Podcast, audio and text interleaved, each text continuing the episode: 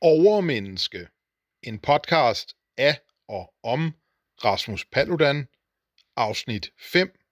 Undervandsrugby og Kilimanjaro. Velkommen til afsnit 5 af podcasten Overmenneske. Mit navn er Rasmus Paludan, og jeg er et overmenneske.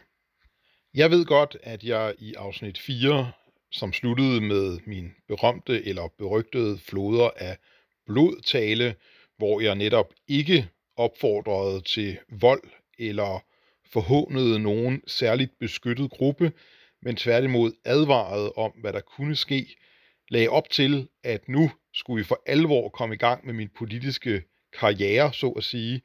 Men jeg synes faktisk, at jeg har sprunget øh, ret hastigt frem, når jeg har gennemgået 2015 og 2016, og et rimeligt spørgsmål kunne så være, hvad jeg i øvrigt foretog mig i øh, den periode, og det synes jeg faktisk, det kan være ret øh, relevant øh, at behandle i øh, dette afsnit 5. Øh, og derfor vil meget af afsnittet være et tilbageblik og ikke voldsomt øh, koncentreret omkring min politiske aktivitet, fordi et overmenneske er jo ikke kun politik. Man kan sagtens være overmenneske uden at være politiker, og som man kan se, når man kigger på de 179 øh, medlemmer af Folketinget, så er det altså muligt, at der er 179 politikere i Folketinget, uden at der er et eneste overmenneske at finde i blandt dem. Jeg blev advokat i 2014, og øh, det betød, at jeg lige pludselig stod helt, helt alene. Og øh, man kunne selvfølgelig have søgt et job som advokat og blive ansat et sted, men jeg vidste allerede på det tidspunkt, at det var helt udelukket øh, for mig. Jeg var allerede øh, kendt i øh, hvide kredse på det tidspunkt som et overmenneske. Ganske vist tror jeg ikke, at der var særlig mange, der ville have kaldt mig det og påstået, at det var det, jeg var kendt som. Men de kendte mig givetvis, i hvert fald i advokatbranchen, som en person med meget selvstændige holdninger. Og det er jo sådan i advokatbranchen, som det formentlig er i mange brancher, at hvis man skal ansættes på et advokatkontor, så skal man jo på en eller anden måde passe ind. Og øh, det er jeg sikker på, at øh, der ikke er særlig mange, der synes, at jeg vil gøre. Og øh, på den anden side kan man sige, at det havde jeg jo heller ikke lyst til. Fordi jeg ville gerne have den frihed, det er at være selvstændig advokat med sin egen virksomhed. Og det er der faktisk rigtig mange advokater, der synes, at de gerne vil. For der er i advokatbranchen rigtig mange advokater, som arbejder selvstændigt som advokater. Så lige præcis i advokatbranchen er det faktisk ikke særlig usædvanligt, at, øh, at folk arbejder øh, selvstændigt som advokater. Og jeg vidste også øh, med stor sikkerhed, at det, jeg ville beskæftige mig med primært, det ville være at være forsvarsadvokat. Det vil sige at forsvare folk i retten, som er anklagemyndigheden og politiet er anklaget for at have gjort noget strafbart. Og det er jo øh, meget nemt for mig at, øh, at nå til den konklusion, fordi hele grunden til, at jeg havde lyst til at læse jura og blive jurist og senere blive advokat, det var jo, at jeg allerede som øh, ganske lille barn havde oplevet, at verden var ret uretfærdig, og at øh, folk, der er svage, bliver behandlet ret dårligt og uretfærdigt. Og det kan jeg jo øh, nævne ret mange eksempler på, men øh, jeg kan for eksempel nævne, at jeg selv oplevede som en øh, ikke særlig gammel øh, dreng, jeg har måske været 10 år, tænker jeg, at jeg samlede flasker til øh, havnefesten i Hornbæk. Det er sådan, at det var byen Hornbæk med ca. 4.000 indbyggere, hvor jeg voksede op og gik i skole. Og øh, der var der en årlig havnefest, hvor der kom et øh, omvandrende øh, tivoli, og øh, folk øh, kom fra nær og fjern for at øh, drikke øl og øh, hvad der ellers hører med til det. Og her tænker jeg på at øh, finde nogle af det modsatte køn, som man kunne hygge sig med, formentlig. Øh, det ved jeg selvfølgelig ikke, når jeg kun er 10 år gammel, men øh, det kan jeg jo så øh, tænke mig til efterfølgende, når jeg er blevet lidt ældre. Og øh, det jeg gjorde, da jeg var 10 år gammel øh, til havnefesten, det var, øh, hvad mange andre på min alder også gjorde, nemlig at samle pandflasker, sådan at man kunne tjene nogle penge. For det er jo sådan, når man er 10 år, at der er ikke så mange muligheder for at tjene penge, men øh, at samle pandflasker, det er en mulighed. Og der kan jeg huske, at jeg øh, på et tidspunkt kom med en stor pose med pandflasker og skulle igennem øh, adgangskontrollen til øh, det lukkede areal i havnefesten, altså det, som man som voksen skal betale for at komme ind på, men børn kommer gratis ind. Og der skete der simpelthen det, at en af de her adgangskontrollanter, han øh, så øh, mig, og så tog han bare min øh, pose med pandflasker fra mig. Altså, han, han røvede den fra mig i bund og grund. Og øh, der vil jeg sige, der er det svært, når man er 10 år, at gøre noget ved det. Og det er også derfor, at jeg øh, har en ret stor empati over for folk, som har svært ved at sige fra og, øh, og gøre modstand, når de er udsat for noget øh, uretfærdigt. Måske endda noget truende, noget voldeligt. Fordi jeg har jo selv været 10 år gammel, og øh, der kan man være ret øh, magtesløs. Det skal ikke forstås sådan, at jeg kun har forståelse over for folk, hvis de er 10 år gamle. Det kan også sagtens være, at man er ældre og stadigvæk øh, føler sig ret magtesløs, for uanset at øh, det er forholdsvis nemt for mig at sige, at man skal være en stærk mand og kæmpe imod og ikke finde sig i noget pis, så er det øh, ikke altid lige så let rent faktisk at udøve øh, den øh, hensigtserklæring. Så derfor øh, ved jeg godt, at øh, som øh, dreng og mand, der er det ikke nødvendigvis øh, så nemt at øh, kæmpe imod, som øh, jeg måske kan lyde som om, jeg synes, det er. Øh, nu kan man så også påpege, at jeg har jo haft ret meget erfaring med at være i situationer, hvor jeg var tvunget til at stå fast på min ret og øh, kæmpe imod, og øh, erfaring gør jo også noget. Men det havde jeg altså ikke som 10-årig. Og øh, den øh, hændelse var jo en af de hændelser, som øh, blandt andet medførte, at jeg, øh, at jeg simpelthen valgte at, øh, at tænke, at jeg må gøre et eller andet i mit liv, så jeg kan hjælpe dem, som er svage. En anden oplevelse, som øh, bestyrkede mig i mit ønske om at kæmpe for de svage, det var, da jeg var øh, 16 år og gik i 2G på Helsingør Gymnasium. Og øh, lidt sjovt, så var jeg blevet valgt til elevrådet sammen med en øh, meget, meget hashmisbrugende klassekammerat. Og så kan man spørge sig selv, hvorfor blev vi dog det? Og øh, det er simpelthen fordi de to piger, som hidtil havde været øh, vores øh, klasserepræsentanter i elevrådet, jeg tror, de var for arrogante simpelthen.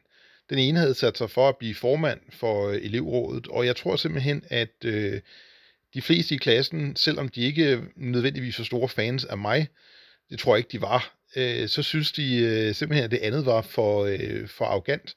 Og derfor var der simpelthen et kampvalg, hvor at de to øh, piger blev kasseret, og jeg og bonghovedet Simon blev øh, valgt til elevrådet i stedet for. Og det var faktisk øh, lidt en plage, fordi i elevrådet sad en ekstremt øh, feminin, opmærksomhedskrævende bøsse. Og det er ikke sådan noget, jeg har noget imod homoseksuel på nogen som helst måde. Det har jeg virkelig ikke. Men øh, jeg har noget imod folk, som er ekstremt opmærksomhedskrævende og teatralske, og hele tiden øh, handler på en måde, som er meget i strid med deres øh, køn, og øh, det er nok en rimelig god beskrivelse af den person. Og øh, som et overmenneske, som jeg jo er, så gider jeg selvfølgelig ikke gå ind i detaljer om, hvem personen var. Det er sådan set også lige meget for historien. Men øh, i hvert fald øh, skete der det, at på elevrådsturen i øh, 2G, som var et par dage i en øh, hytte, der hedder Arnakke, der øh, blev jeg ganske beruset. Jeg tror ikke, det er usædvanligt i øvrigt, at man som 16-årig øh, teenage-dreng øh, drikker alkohol øh, måske lidt for meget. Det er sket for andre end mig, vil jeg sige, når man er 16. Og øh, resultatet blev altså, at jeg var så fuld, at jeg til sidst øh, gik ind på øh, det værelse, jeg delte, og øh, lagde mig i en øh, seng, jeg skulle sove i. Jeg sov dog ikke øh, på det tidspunkt øh, i sengen. Det kan også være svært at sove, når man er meget, meget beruset. Så jeg lå og øh, slappede af og øh, foretog vel øh, handlinger, som også er ganske normale for 16-årige drenge, tænker jeg. Desværre for mig, så kom en person, som var endnu mere kommunist end øh, Simon, øh, ind på værelset. Og jeg må nok sige, at den person er nok, hvad man kan kalde for en anarkokommunist, hvilket jo er en ekstremt øh, venstreorienteret person, som har blandet anarkisme med kommunisme i en anden form for absurd øh, brækvæske, og øh, det er øh, ikke så godt, at han kommer ind i der, fordi han ser selvfølgelig øh, mig og åbenbart også mit forhavne. Og øh, der kunne man jo sige, at øh, der kunne historien jo sådan set slutte. Han ville gå ud igen, og det ville være det. Men det var det ikke helt. For øh, den slags mennesker er jo øh, blottet for moral, og så skal man så også til hans forsvar sige, at nu er det jo sådan, at de fleste øh, personer i øh, teenagealderen, de øh, har en tendens til ikke at tage så meget hensyn til andres øh, privatliv, i hvert fald ikke jævnaldernes privatliv. Det ved vi jo, fordi det er blevet en helt øh, sport øh, for mange unge at, øh, at fortælle om andres øh, seksuelle forhold osv. Det læser man jo ofte om i pressen. Men øh, jeg tror nok, man må sige, at han fortalte vist vidt og bredt om, hvad han havde set. Og det kunne så være slutningen på historien, men det er det ikke heller. For øh, den her øh, før omtalte ekstremt øh, teatralske, feminine øh, bøsse, han valgte simpelthen øh, den kommende uge, hvor hans klasse havde øh, ansvaret for underholdningen til morgensamlingen, der valgte han og de øvrige i klassen simpelthen at lave et helt teaterstykke, der handlede om, at øh, jeg var blevet øh, set øh, onanere på den her øh, sovestue. Og øh, nu kan jeg så glæde mig selv øh, med, at jeg ikke selv overværede den pågældende øh, morgensamling. Jeg øh, var nemlig meget øh, teknikinteresseret også på det tidspunkt, og det vil sige, at jeg øh, sprang simpelthen morgensamlingen over, og i stedet for så sad jeg et helt andet sted på gymnasiet og øh, lavede ting på internettet. Øh, hvad kan jeg bestemt ikke huske så mange år efter, men øh, jeg interesserede mig meget for programmering på det tidspunkt, så kan vide, om jeg ikke formentlig har siddet og, og lavet en hjemmeside eller to. Men i hvert fald, øh, det er jo øh, måske ret krænkende i virkeligheden, eller det er det ikke måske, det er meget krænkende at øh, på den måde få en del af sit privatliv øh, hængt ud. Og øh, jeg havde ikke gjort noget galt, er det vigtigt at huske på. Men øh, sådan er øh, mange i gymnasiet jo desværre, og det er bare blevet endnu værre i dag, fordi i dag bruger man jo også øh, kameramobiler til at optage øh, andre, når de øh, er i gang med private handlinger. Så langt var teknologien ikke noget på det tidspunkt. Var det sket fem år senere, så kunne det være øh, meget værre. Og øh, det betød jo så, at øh, selvom det sådan set formentlig var strafbart, det der blev foretaget, så øh, var der ikke nogen øh, optagelser af det, kan man sige. Og når jeg siger, at det var strafbart, det der blev foretaget, så mener jeg selvfølgelig, det at fortælle om, hvad jeg havde gjort, var en privat oplysning, som man formentlig ikke må videregive, jævnfør straffelovens paragraf 264d, som også galt på det tidspunkt, men altså, hvad ved man som teenager om loven i det hele taget? Nok ikke særlig meget. Det, som er mest interessant med hele den historie, og det er jo klart, jeg fortæller den historie, fordi i den her historie var jeg jo også den svage. Jeg blev ligesom mobbet og ydmyget foran hele gymnasiet, kan man sige, på baggrund af en fuldstændig uskyldig handling. Det er, at øh, da vi så blev studenter i år 2000, der skulle der jo uddeles en øh, præmie på 5.000 kroner. Og øh, det her, det er nok en medvirkende årsag til, at min respekt for gymnasielærer ligger på et meget lille sted. For det var faktisk øh, følebøssen, som havde været hovedmobberen i hele den her øh, seance, som fik de 5.000 kroner, fordi han havde været en god kammerat. Og øh, det er jeg ikke bitter over. Øh, jeg øh, synes, at det at være bitter, det hævner sig jo kun på sig selv, kan man sige. Men øh, det er da i hvert fald øh, ret interessant, at en af de værste mobbere på gymnasiet, han simpelthen af lærerne blev betragtet som øh, den, der skulle have præmien på 5.000 kroner for at være den bedste kammerat. Øh, hvad siger det egentlig? Jamen det siger formentlig, at hvis man fedter nok for lærerne, så kan de tro øh, hvad som helst. Så jeg blev altså kun styrket i min øh, faste tro på, at øh, jeg burde øh, beskæftige mig med i mit liv at forsvare dem, der var svage, og dem, der havde svært ved at forsvare sig selv. Det er selvfølgelig også det, jeg gør som politiker. Der forsvarer jeg bare mange flere, som øh, er svage og ikke kan forsvare sig selv. For eksempel danske unge generelt, som slet ikke er vant til eller forberedt på, hvordan de skal forsvare sig mod andre jævnaldrende, som har en helt anden øh, kultur og religion, og måske er meget mere erfarne i at være fornedrende og voldelige osv. Men øh, som advokat, der har man jo muligheden for at forsvare nogen, som virkelig er svage. Og hvem er virkelig svage? Ja, det er anklaget i øh, straffesager, for de har hele staten imod sig. Hele overmagten i form af politiet og anklagemyndigheden er imod folk, der er anklaget i straffesager eller mistænkt for at have gjort noget strafbart. Og derfor er det jo virkelig folk, der har brug for hjælp. Og derfor synes jeg, at det ville da være en alletiders idé, at jeg øh, brugte øh, min tilværelse på at hjælpe dem. Men øh, hvordan kan man så få øh, klienter? Ja, øh, det er jo altid øh, en udfordring. Og øh, jeg tænkte, hvad nu, hvis jeg laver et kort, som man kan have i lommen, som er et kreditkortformat, hvor man skriver sit navn, sin adresse og sin fødselsdag på. For så kan man jo bare give det til politiet, hvis de stopper en, og så før de når at øh, visitere en, og måske finder noget hash eller andet, så kan man løbe sin vej. For det er jo sådan, man har ikke pligt til at blive stående, når man bliver stoppet af politiet, mindre man er anholdt. Man har pligt til at oplyse navn, adresse og fødselsdato, men intet andet. Og der står ikke i loven, at man skal sige det mundtligt, eller man skal vente på, at det bliver kontrolleret, eller man skal bevise, at man er den, man siger, man er. Der står bare, at man skal oplyse de tre ting. Og det kan man jo oplyse for eksempel på et lille kreditkort, øh, plastikkort, og så bare give det til politiet, eller lægge det på jorden og løbe sin vej.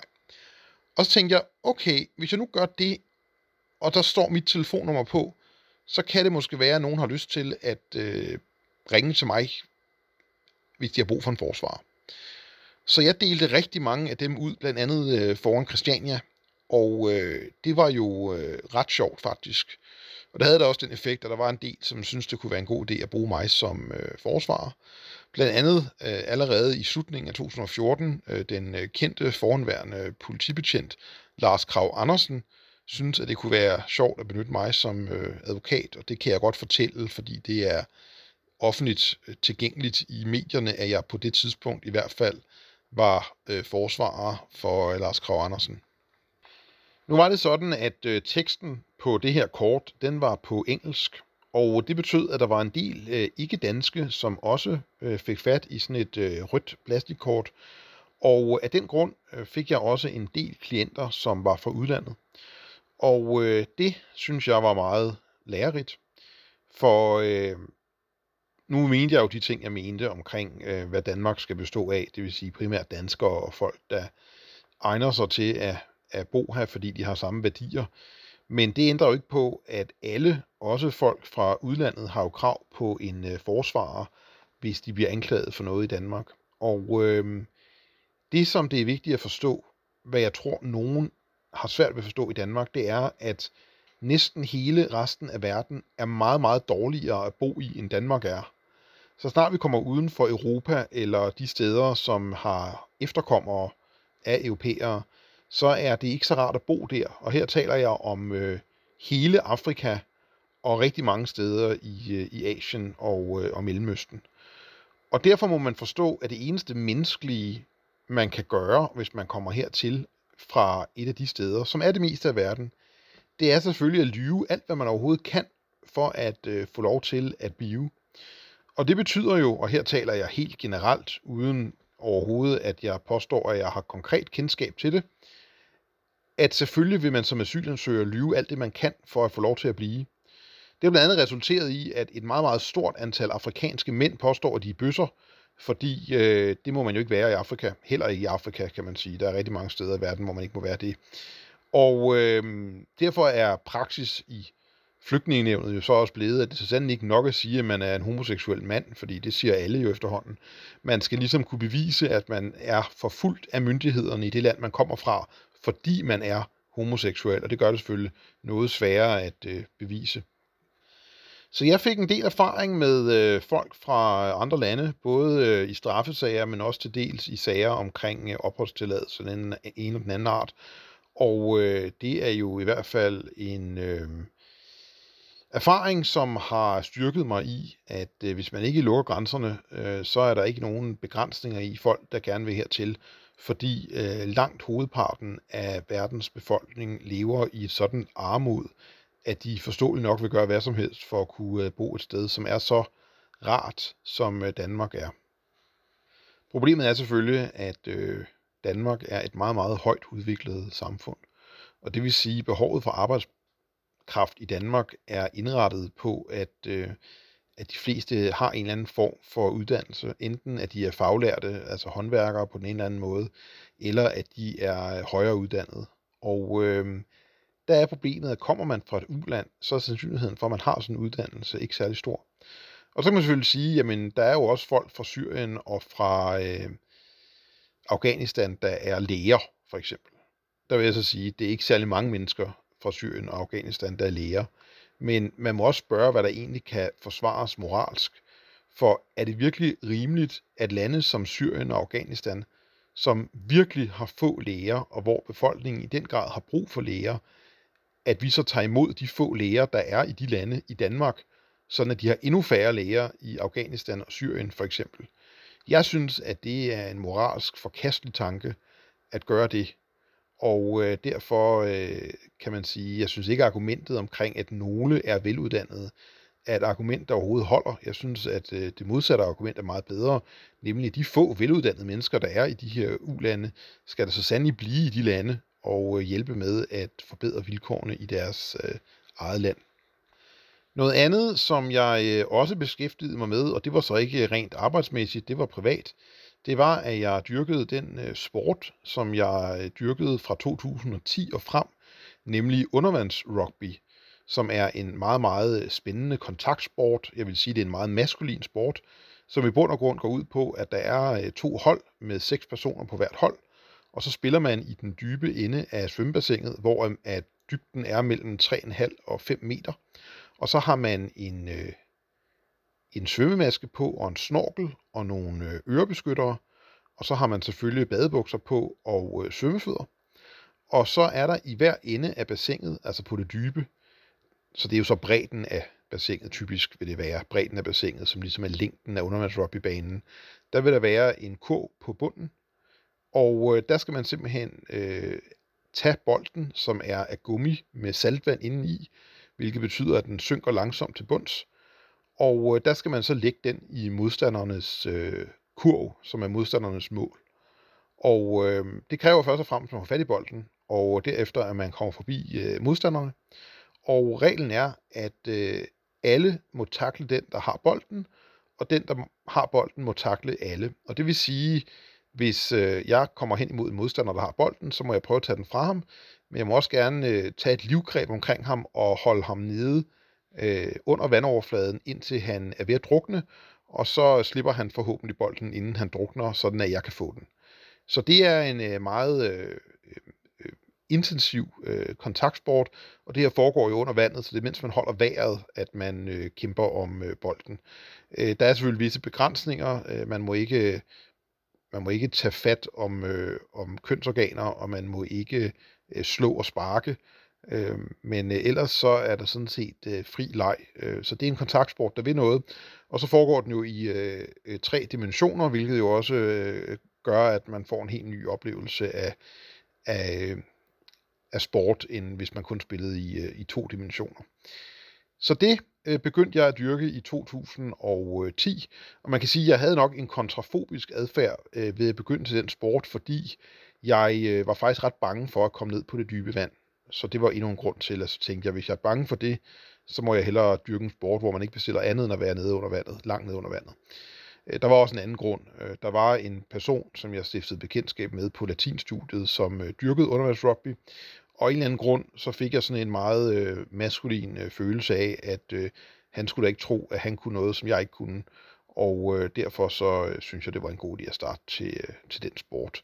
Der kan man se, det at man føler sig udfordret på sin øh, mandighed, kan faktisk være en rigtig god motivationsfaktor. For jeg nød virkelig de mange år, hvor jeg øh, dyrkede undervandsrugby. Og jeg dyrkede også undervandsrugby i flere forskellige klubber. Jeg startede et par måneder i det, der hedder UV Amager, og øh, der var jeg simpelthen ikke øh, dygtig nok. Det tror jeg jo aldrig, jeg blev, men øh, de ville simpelthen ikke have mig, fordi jeg ikke var dygtig nok. Og så øh, begyndte jeg at øh, dyrke det i øh, PI, som er politiets øh, idrætsforening. Jeg tror kun, der var en enkelt politimand. Alle andre var ikke politifolk. Øh, og så øh, dyrkede jeg det i en hel del år i akademisk øh, undervandsgruppe AUG, og så i den elitære klub, som hedder Flipper, som, øh, som virkelig øh, er en af de bedste klubber i Danmark. Og jeg skal understrege, det betyder ikke, at jeg var særlig dygtig, men jeg dyrkede det i den klub sammen med folk, der var meget dygtige. Og øh, det er meget interessant med undervandsrugby, fordi det er ikke kun unge, der dyrker det. Det er faktisk en sport, der kan dyrkes øh, langt op i årene, og derfor var det ikke usædvanligt overhovedet, at der var folk i, øh, i 50'erne øh, eller ældre, som, øh, som dyrkede den øh, sport. Og det gjorde jo, at det var en meget øh, mangfoldig skare af, af spillere, men der var selvfølgelig også en del, der var meget unge, og øh, typisk var det sådan, at folk, der gerne ville være frømænd, de kom og dyrkede undervandsrugby i noget tid, fordi øh, frømandskorpset åbenbart siger til potentielle frømænd, at før de kommer til optagelsesprøve, kan det være en god idé at dyrke undervandsrugby, så de vender sig til at være under vandet. Og øh, der var også en del elitespillere, eller foranværende elitespillere, som dyrkede undervandsrugby. Og hvad betyder det så? Ja, det betyder, at en del af de spillere, som jeg spillede undervandsrugby med, var nogle særdeles veltrænede unge mænd. Og hvad gjorde det så for mig? Ja, det gjorde faktisk det, at jeg blev øh, ret motiveret til selv at komme i bedre form. Øh, og jeg var nede og runde de øh, 83 kilo på det tidspunkt, simpelthen fordi jeg synes, det er ret motiverende at se meget, meget veltrænede mennesker. Det motiverer mig til selv at blive veltrænet. Hvilket man kan se, hvis man øh, gennemgår øh, de mennesker, jeg følger på Instagram, så vil man kunne se, at jeg følger ufattelig mange øh, veltrænede unge mænd af den årsag. Og øh, det synes jeg sådan set er øh, en rigtig god motivationsfaktor. Det motiverede mig faktisk så meget, at jeg i en periode i 2011, 12 og 13 dyrkede undervandsrugby tre gange om ugen, plus kampe i weekenden. Så øh, det, var, det var en periode, hvor jeg var i, øh, i ganske god form. Og øh, desværre har øh, omstændighederne i de senere par år gjort, at det er svært for mig at øh, dyrke undervandsrugby. Men øh, jeg skal ikke afvise, at det kan være, at jeg, at jeg vil genoptage den sport. Det er i hvert fald, øh, det er i hvert fald en sportsgren, som er meget intensiv, og det er virkelig, virkelig god træning. Virkelig god kredsløbstræning. Man øh, kommer i, øh, i rigtig god form. Det er meget, meget sundt. Det var også i den periode, jeg blev opmærksom på øh, islams indtog i svømmehallerne. Og øh, det er jo sådan i Sverige, der kan man jo næsten ikke gå i svømmehallen længere, uden at man bliver udsat for både det ene og det andet. Men øh, det jeg bemærkede, og nu skal jeg påpege, at træning under rugby foregår primært, når der ikke er andre, øh, det vil sige, det foregår om aftenen uden for svømmehandels normale åbningstider, men man vil normalt, øh, når man kommer og skal klæde om til træning, se øh, de sidste de normale gæster forlade øh, svømmehallen. Og øh, noget af det, som er rigtig, rigtig vigtigt i øh, svømmehaller, det er, at man øh, vasker så meget grundigt med sæbe over hele kroppen uden øh, badetøj på, inden man går i øh, bassinet. Og det skyldes simpelthen, at øh, hvis man ikke vasker sig grundigt uden badetøj på, så kommer man til at bringe øh, rigtig meget skidt på sin krop ned i øh, svømmebassinet, hvor det så vil blive opløst i øh, vandet. Og øh, det er ikke godt, fordi øh, snavs, det er bakterier, og bakterier, de er øh, sygdomsfremkaldende.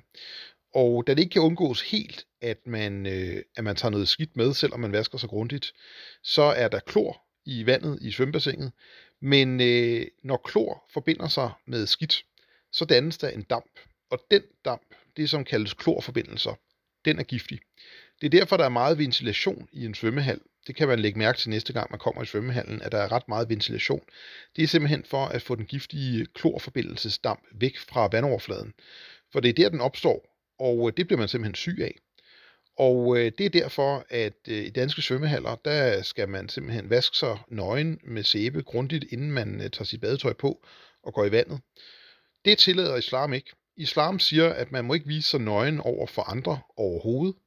Og øh, der må man så bare sige, jamen så kan man jo så ikke gå i svømmehallen i Danmark, hvis man øh, ikke vil det.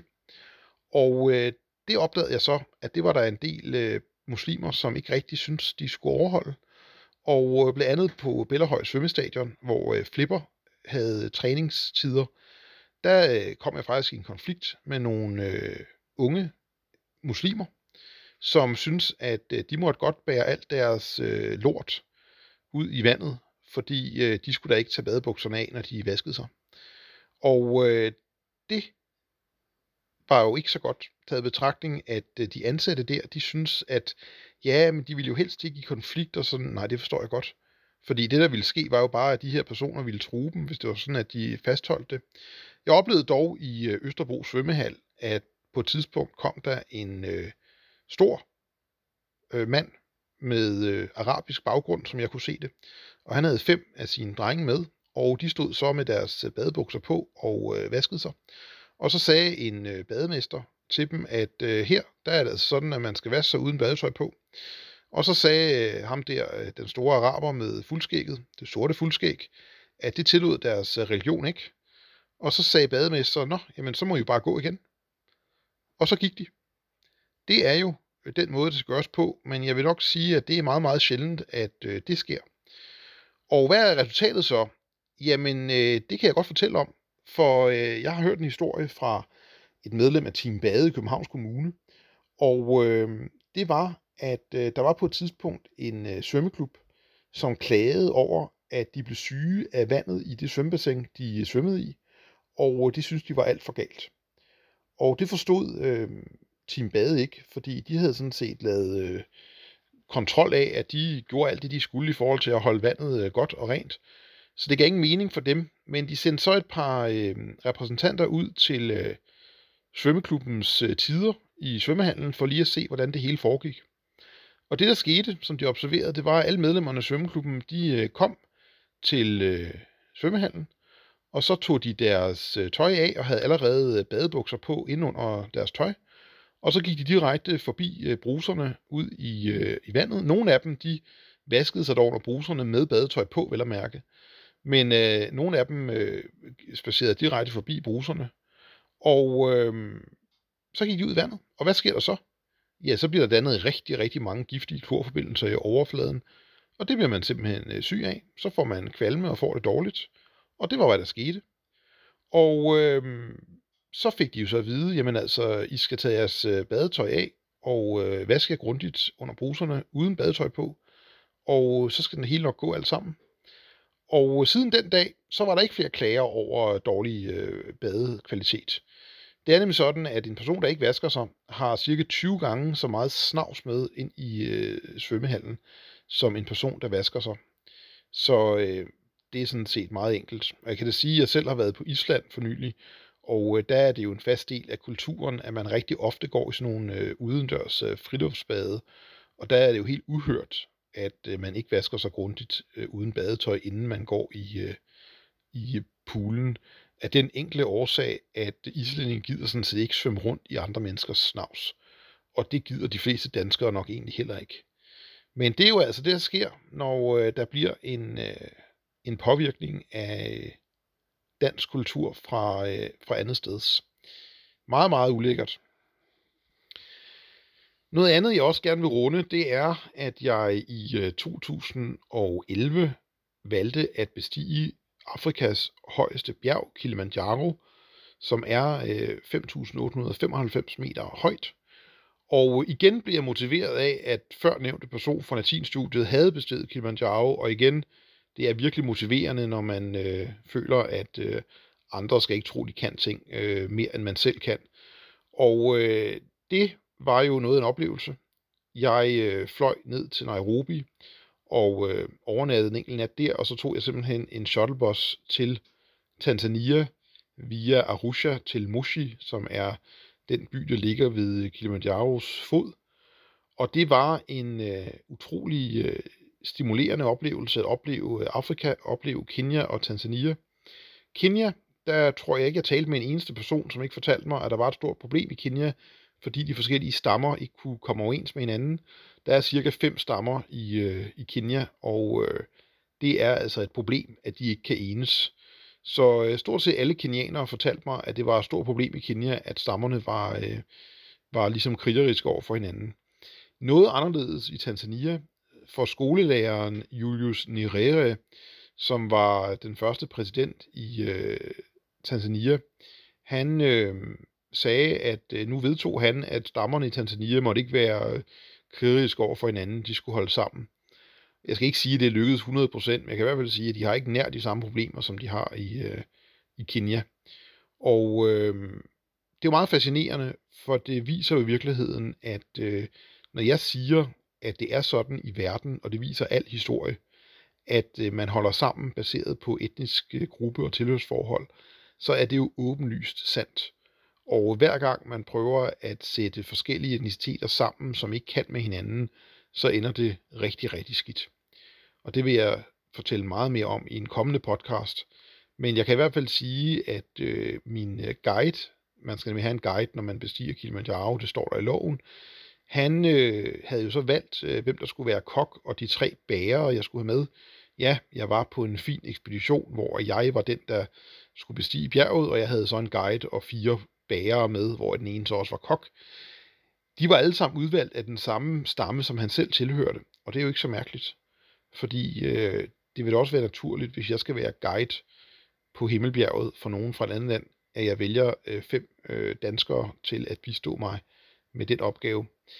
Så øh, prøv at huske på det, at øh, det er altså helt grundlæggende biologisk, sociologisk, psykologisk, etnologisk og historisk, at øh, folk de har en tendens til at vælge andre, der minder om dem selv. Typisk folk af den samme baggrund, kulturelt, religiøst og etnisk, som de selv har. Jeg øh, besteg så øh, Kilimanjaro, og jeg valgte Lemosho-ruten, som er den længste rute, og ikke en særlig benyttet rute. Og det gjorde jeg, fordi jeg havde forberedt mig, og jeg havde læst en del guidebøger, og den ene guidebog sagde, uanset om du ikke er den bedste form, og uanset om du ikke har den bedste viljestyrke, så kan du godt nå toppen, hvis du ikke får højdesyge. Hvordan undgår man så højdesyge? Ja, det undgår man ved, at man øh, stiger langsomt. Det vil sige, øh, ikke bare stiger en hel masse meter hver dag, men tager en rute, hvor man langsomt kommer op i højde. Og det var det, jeg valgte at gøre, og det viste sig jo, at det var ret godt. Jeg vil sige, det er ret umuligt at undgå højdesyge fuldstændig, men øh, jeg fik det ikke værre, end at lykkedes mig at nå øh, toppen, Kaiser Wilhelm Spitze, eller som den hedder nu, Uhuru Peak. Jeg synes jo nok, at når nu en tysker var den første, der nåede toppen, og han navngav den Kaiser Wilhelm Spitze, så burde det jo være navnet på den, taget i betragtning, at der jo var andre mennesker, der havde boet der i tusindvis af år, som åbenbart ikke havde nået toppen, så kunne de jo have navngivet den, men okay, nu valgte de altså i Tanzania, at den skulle hedde Uhuru Peak, som på øh, Swahili betyder frihedsspidsen. Jeg ved ikke rigtig, hvad det er frihed øh, fra i hvert fald, men øh, det kan man jo altid diskutere i en senere podcast. Men i hvert fald nåede jeg toppen, og øh, jeg kan mærke, at øh, jeg har faktisk en del mere at fortælle om øh, Kilimanjaro. Og jeg tænker, at øh, hvordan jeg kom ned igen, og øh, hvordan jeg blev udsat for grov racisme i øh, Jomo Kenyatta lufthavnen i Nairobi, det er måske et passende emne at begynde med i afsnit 6. Du har lyttet til Overmenneske, en podcast af og om Rasmus Paludan.